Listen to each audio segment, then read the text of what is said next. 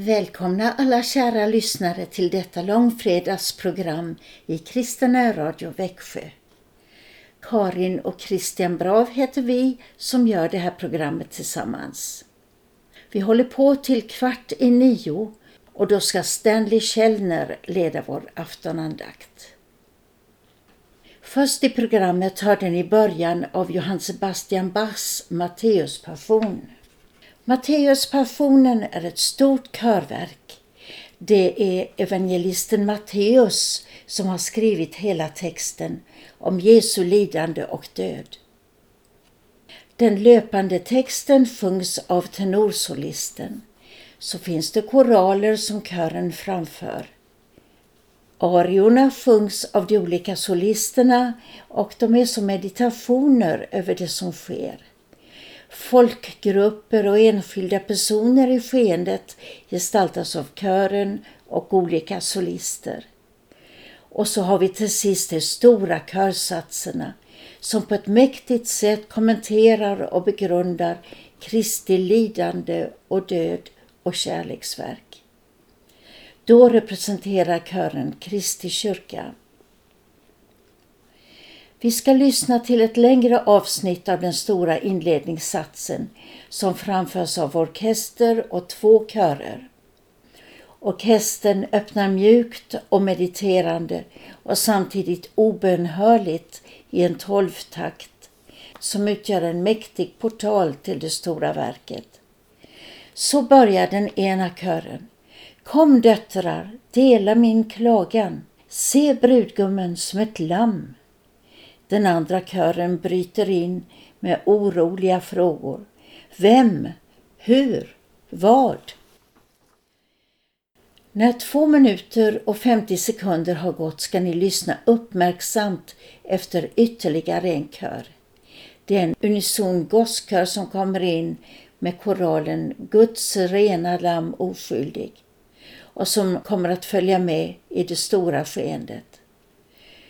Då ska vi alltså vara med om den stora öppningen av Johann Sebastian Bachs Matteuspassion.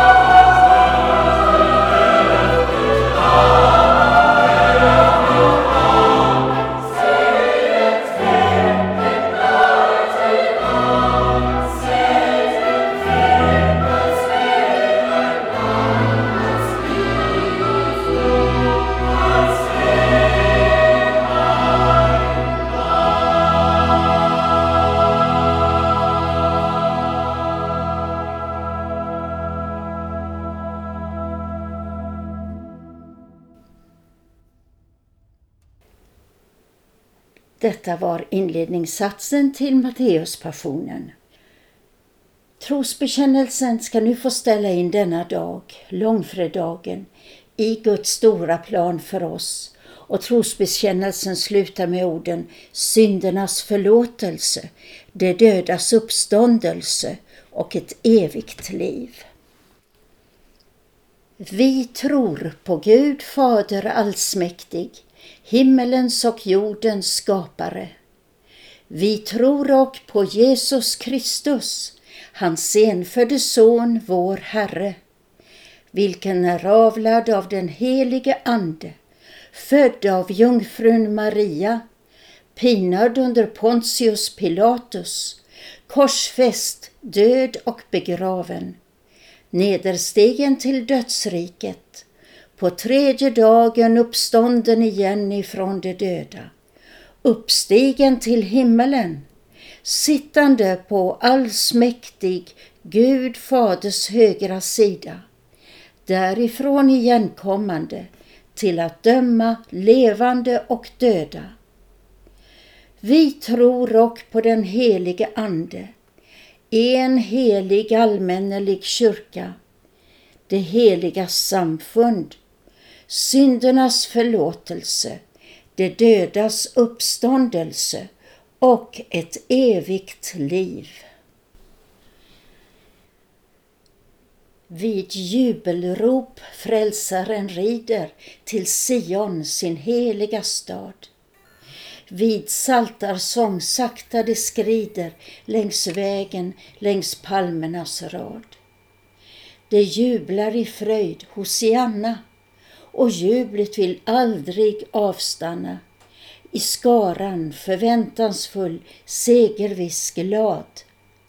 I skaran förväntansfull, segerviss, glad.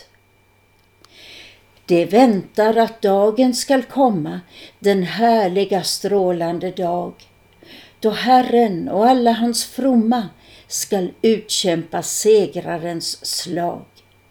Jerusalem skall de intaga, nu segrande hoppas de draga som kämpar för Gud och hans heliga lag som kämpar för Gud och hans heliga lag. Men Kristus som leder sin skara, han vet att den nalkas, hans tid. Han vet att hans palmsöndag klara skall följas av långfredags strid. Att jublet mot korset skall bytas att hoppet och längtan skall brytas mot klippgravens stillhet och tystnad och frid. Mot klippgravens stillhet och tystnad och frid. Men korset min Jesus skall bära, det korset mig frihet skall ge. Hans klippgrav förkunnar hans ära hans härliga uppståndelse. För mig och för alla det skedde, när frälsaren vägen beträdde, som förde till liv och uppståndelse fram. Som förde till liv och uppståndelse fram. Detta var vår vintersång nummer 138 och nu psalm 143, Guds rena lamm oskyldig.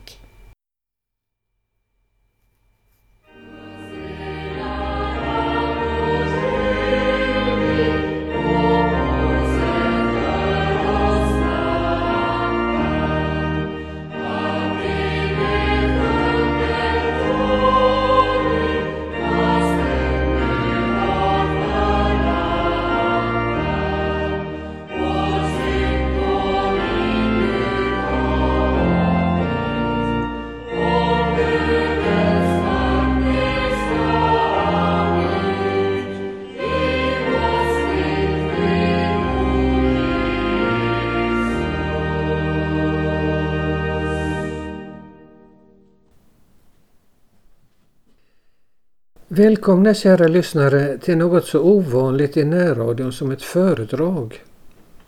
Men vi ska börja det med att be Gud om hjälp. Kom käre heliga Ande och led oss på Kristi lidandets väg i den heliga staden. I Jesu namn. Amen. Nu vet jag att några av er har varit inne på närradions hemsida och där sett några fina bilder som har lagts ut. Andra har tagit fram sin bibel och sett på kartorna längst bak och där finns ju också en karta över Jerusalem. Jag har bilderna ifrån hemsidan framför mig och nu ska jag berätta lite om dem. Men ni som inte har bilderna, ni får följa med med hjälp av fantasin. Vi börjar med bilden som heter bara Jerusalem, det som är en karta. Och då ska ni veta att till höger på kartan, om vi tar efter väderstrecken, alltså öster om Jerusalem, där ligger Oljeberget eller Olivberget. Och det var där Jesus kom ridande på palmsöndagen. Ni som har kartor, ni ser också ett eh, ojämnt streck och det är bäcken Kidron som rinner öster om Jerusalem och väster om Olivberget. Och så kommer vägen uppifrån Betania och går ner mot tempelplatsen och ni ser att det går en liten väg in på tempelplatsen. Och tempelplatsen, det är den stora fyrkanten i kartan. På min karta står det Moria, det är det gamla namnet på tempelplatsen Moriaberg. Och inne på tempelplatsen ser ni olika pelargångar och ni ser också något som ser ut som ett liggande T. Och det är ett, själva tempelhuset med förhusbyggnader. Strax norr om eller över tempelplatsen ser ni en något mindre fyrkant och det är borgen eller pretoriet där Pilatus bodde under dessa dagar. Och så följer vi muren vänsterut, alltså västerut. Och så ser ni att den går liksom kryssvis eller de böjer av. Och ni som har kartan, ni ser också att i den där böjen, där står det Golgata. Jag ska nämna att idag så har muren en något annorlunda riktning. På den turkiska tiden byggdes den ut längre norrut och det är också markerat på min karta. Men vid denna tiden så hade muren just denna dragningen och Golgata låg alltså strax utanför muren i den där lilla vinkeln där muren böjer av. Och om vi går vidare så ska vi se en fyrkant till vänster ungefär lika stor som pretoriet och det är Rodesborg. Vi går eh, längs eh, muren längre söderut och då ser vi en plats som är utmärkt som Nebi Baod och det är alltså Davids grav.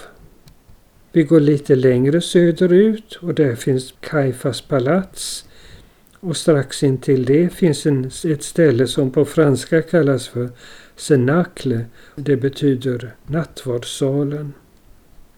Och nu går vi till höger igen och där har vi en väg och en trappa trappa, en lång trappa som så småningom leder ut ur Jerusalem och det var där Jesus och lärjungarna gick när de sen gick till Getsemane. Nu har vi fått en orientering om själva staden Jerusalem. Och då var det alltså så att Jesus och lärjungarna nattetid mm, sov i Getsemane och på dagarna gick de in till templet. På skärtorsdagen gick de alltså till den platsen som vi nyss talade om, nattvardssalen, alldeles intill Kajfas palats. Och sedan gick de ut igen till Getsemane där Jesus bad. Det var där han blev gripen och det var där Judas förrådde honom. Och så fördes han tillbaka till Kajfas palats och där fällde de sin dom över honom och så förde de honom till Antoniaborgen, Herodes palats, pretoriet och där dömde Pilatus honom slutligen till döden, bekräftade översteprästernas dom Och så fördes han utifrån Antoniaborgen till vänster. Det är det som kallas för Kristi lidandes väg. Via Dolorosa. Ända till där det står Golgata och där korsfästes han. Ni som nu har hämtat bilderna på datorn, ni kan gå till nästa bild. Den bilden, det är en skiss över, en, över den kyrka som grekerna kallar anastasis, alltså uppståndelse, och som vi västerlänningar kallar för den heliga gravens kyrka. Och då ska jag berätta lite om hur den kom till. Det var så här att år 143 efter Kristus blev Jerusalem förstört under det sista judiska upproret, det som kallas för Bar Kochba-upproret. Alla judar fördrevs ifrån Jerusalem och eh, man byggde upp det igen som en romersk stad, Elia Capitolina som det kallades. Då visste ju de romerska kejsarna redan att de kristna var en betydande grupp som man ville på allt sätt trycka ner. Och för att trycka ner de kristna så lät kejsar Hadrianus bygga ett Venustempel, alltså ett slags sextempel, på platsen för Golgata. Han byggde en stor terrass och ovanpå denna så byggde han det här templet för att riktigt förnedra den kristna tron. Och så låg platsen i ytterligare mer än 150 år. Men då hade det hänt något i det romerska riket. Kejsaren Konstantin hade blivit kristen. Hans mor, kejsarinnan Helena, var kristen redan tidigare. Och när hennes son nu fick makten så reste hon till det heliga landet och där frågade hon de kristna på platserna Var hände detta? Var föddes Jesus? Var dog han? Var är hans grav?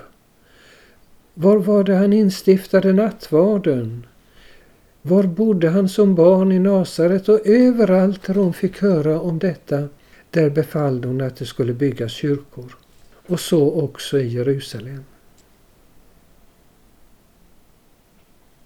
Den av Helenas kyrkor som är bäst bevarade är födelsekyrkan i Betlehem. Men hon byggde också Anastasis, den heliga gravens kyrka. Hon lät alltså riva bort den här terrassen som Hadrianus hade gjort. Hon lät riva bort Venustemplet. Och fram kom Golgata och graven. Och hon byggde in dem i en stor underbar kyrkobyggnad som tyvärr har blivit mycket skadad under århundradena av jordbävningar och brand och annat. Men det viktigaste finns kvar. Och ni som nu har sett bilderna på hemsidan ni har en skiss där över gravkyrkan. Och då ser ni att i den övre delen av kyrkan, om vi tar efter väderstrecken den västra delen av kyrkan, det finns en rund avdelning. Och mitt i den här runda avdelningen, där finns något som ser ut som ett litet kapell där inne. Och det är Kristi grav. Ungefär mitt i kyrkan, till vänster, där ligger Golgata. Golgataklippan är alltså renhuggen så att platsen för korset finns inuti ett kapell och än idag kan man sträcka ner handen och röra vid Golgataklippan. Och ovanför, på våningen ovanför, finns Abrahams kapell till ett minne av hur Abraham där var beredd att offra sin son Isak. Vi ska nu gå till den sista bilden. Ni som har sett den på datorn, ni vet precis hur den ser ut. För er andra får jag beskriva den. Det är en bild inuti Kristi grav. Till höger ser ni stenbänken på den plats där Kristi kropp låg och där han uppstod från de döda. Detta är alltså den verkliga platsen för Kristi uppståndelse. Detta är verkligen Anastasis uppståndelse. Och detta har ju varit en oerhörd stötesten för alla som har varit fiender till Kristus. På tusentalet befallde sultanen Hakim i Egypten att Kristi grav skulle förstöras. Och detta var en av orsakerna till korståget. Han lyckades nästan, så att man nästan högg sönder klippan runt Kristi grav, men inte helt. Ungefär en halv meter till en meter blev kvar och de kristna byggde upp den igen precis så som den hade sett ut. Ni kanske undrar över att gravkammaren är inklädd i marmor. Men det förstår man ju att många pilgrimer under tidernas lopp har velat haft med sig åtminstone en liten sten av Kristi grav. Att ha någonting av uppståndelsens kraft med sig ifrån Jerusalem. Så därför har man fått klä in hela gravkammaren i marmor. Men platsen är den rätta. Det var här han uppstod. Det är på riktigt. Till sist så ber vi. Vi förlossas, ormen krossas, avgrundens och dödens makt. Nu är bunden från den stunden, allt är sonen underlagt. Nu är helat vad vi felat och Guds son i ljuset brakt. Tack käre himmelske Fader för att vi har fått följa din son och Människosonen på denna hans vandring genom död till liv. I hans heliga namn. Amen. Efter det här föredraget om den heliga staden och den heliga graven ska vi sjunga psalm 136. Det är en psalm riktad till Jesus, Guds lamm. Vi säger till Jesus allt det ofattbart stora han har gjort för oss var och en i sin kamp och sitt lidande. Och varje vers slutar med ett tack. Den sista versen innehåller också en överlåtelse i tacksamhet. Mitt hjärta jag dig giver och din för evigt bliver. Pris vare dig, o Jesus.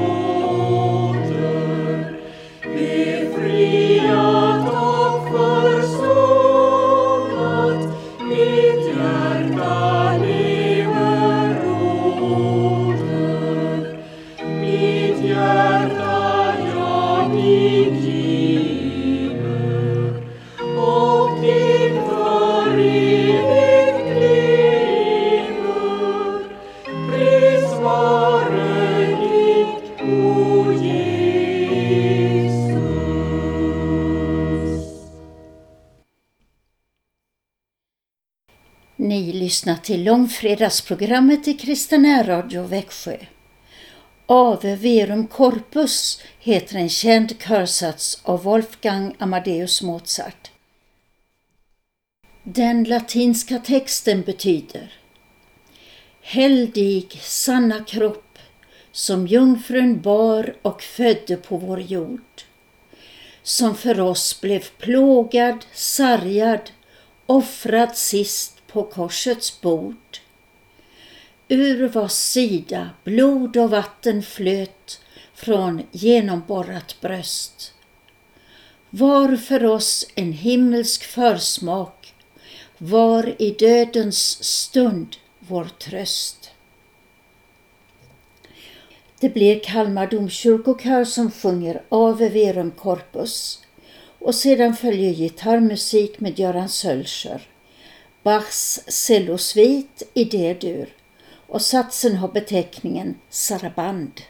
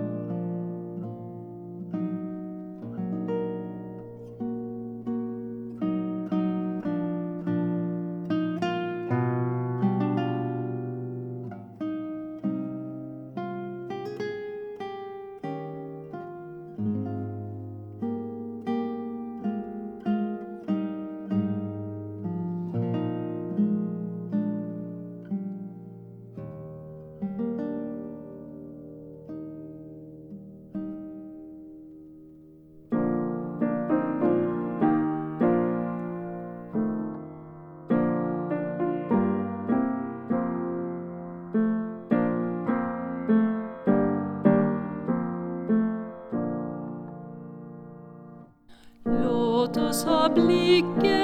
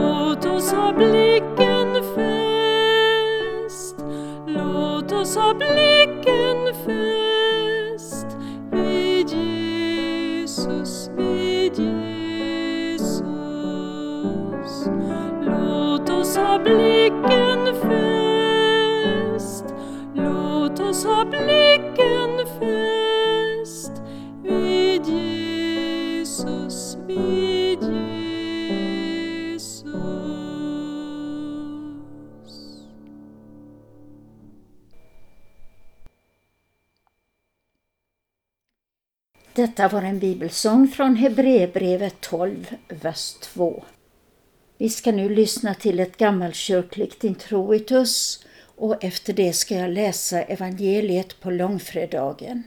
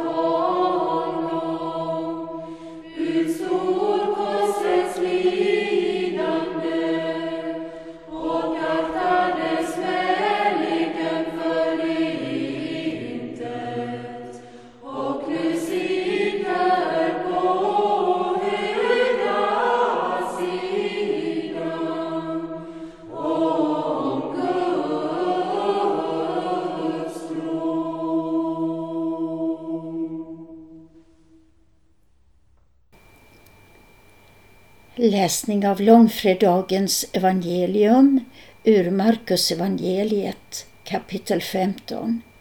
I Jesu namn. En man som just kom förbi på väg in från landet, Simon från Kyrene, far till Alexandros och Rufus, tvingades av soldaterna att bära Jesu kors. De förde Jesus till det ställe som kallas Golgota, det betyder skallen. Där gav de honom vin med myrra, men han tog inte emot det. De korsfäste honom och de delade hans kläder mellan sig genom att kasta lott om dem. Det var vid tredje timmen som de korsfäste honom. På anslaget med anklagelsen mot honom stod det Judarnas konung. Tillsammans med honom korsfäste de två rövare, den ene till höger och den andra till vänster om honom. De som gick förbi smädade honom och skakade på huvudet och sade Du som river ner templet och bygger upp det igen på tre dagar. Hjälp dig själv nu och stig ner från korset. Likaså gjorde översteprästerna och de skriftlärda narr av honom sinsemellan och sade Andra har han hjälpt, sig själv kan han inte hjälpa. Han som är Messias, Israels konung, nu får han stiga ner från korset så att vi kan se det och tro på honom. Också de som var korsfästa tillsammans med honom skymfade honom. Vid sjätte timmen föll ett mörker över hela jorden och varade till nionde timmen. Och vid nionde timmen ropade Jesus med hög röst Eloi, Eloi, lema sabachthani. Det betyder Min Gud, min Gud, varför har du övergivit mig? Några som stod intill hörde det och sade Han ropar på Elia. En av dem sprang bort och fyllde en svamp med surt vin, satte den på en käpp och gav honom att dricka och sade Låt oss se om Elia kommer och tar ner honom. Med ett högt rop slutade Jesus att andas. Och då brast förhänget i templet i två delar, uppifrån och ända ner. När officeren som stod vänd mot honom såg honom ge upp andan på det sättet sade han. Den mannen måste ha varit Guds son. Längre bort stod också några kvinnor och såg på och bland dem var Maria från Magdala och den Maria som var Jakob den yngres och Joses mor och Salome. De hade följt med honom och tjänat honom när han var i Galileen. Och där var många andra kvinnor, de som hade gått med honom upp till Jerusalem. Så lyder det heliga evangeliet. Lovad vare du, Kristus. En bön för långfredagen. Herre Gud, himmelske Fader, du som för vår frälsnings skull har utgivit din ende son. Vi prisar dig ödmjukt för detta, din gudomliga kärleks under. Vi ber dig, hjälp oss att fly till din förlåtande kärlek och hämta tröst vid din Sons, vår Frälsares kors. Hjälp oss att i sann tro ta emot hans lidandes frukter och allt mer förvandlas genom korsets kraft till dess vi evigt får vara med honom i det himmelska paradiset. Amen.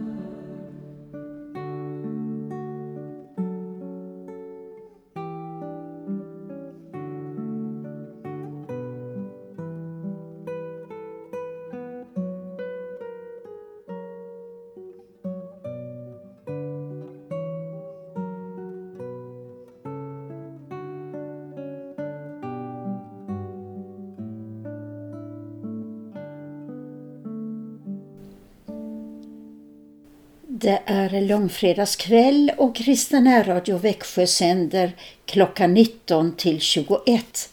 Den här första timmen ska avslutas med en psalm och med stilla pianomusik. Nästa timme ska innehålla en dikt, berättelser om konstverk i Ekeberga och Åseda kyrkor, bibelläsning, salmer och avslutningen av Matteuspassionen. Klockan 20.45 ska Stanley Källner leda vår andakt på långfredagen. Pianostycket blir Preludium i H-moll av Johann Sebastian Bach och med Lars Sellegren vid pianot. Men först den underbara salmen 454. När jag den törnekrona för mina tankar har, som synden att försona, du, Herre Jesus, bar. Då brinner allt mitt hjärta av tacksamhet mot dig. Jag vet att dödens smärta du smakat har för mig.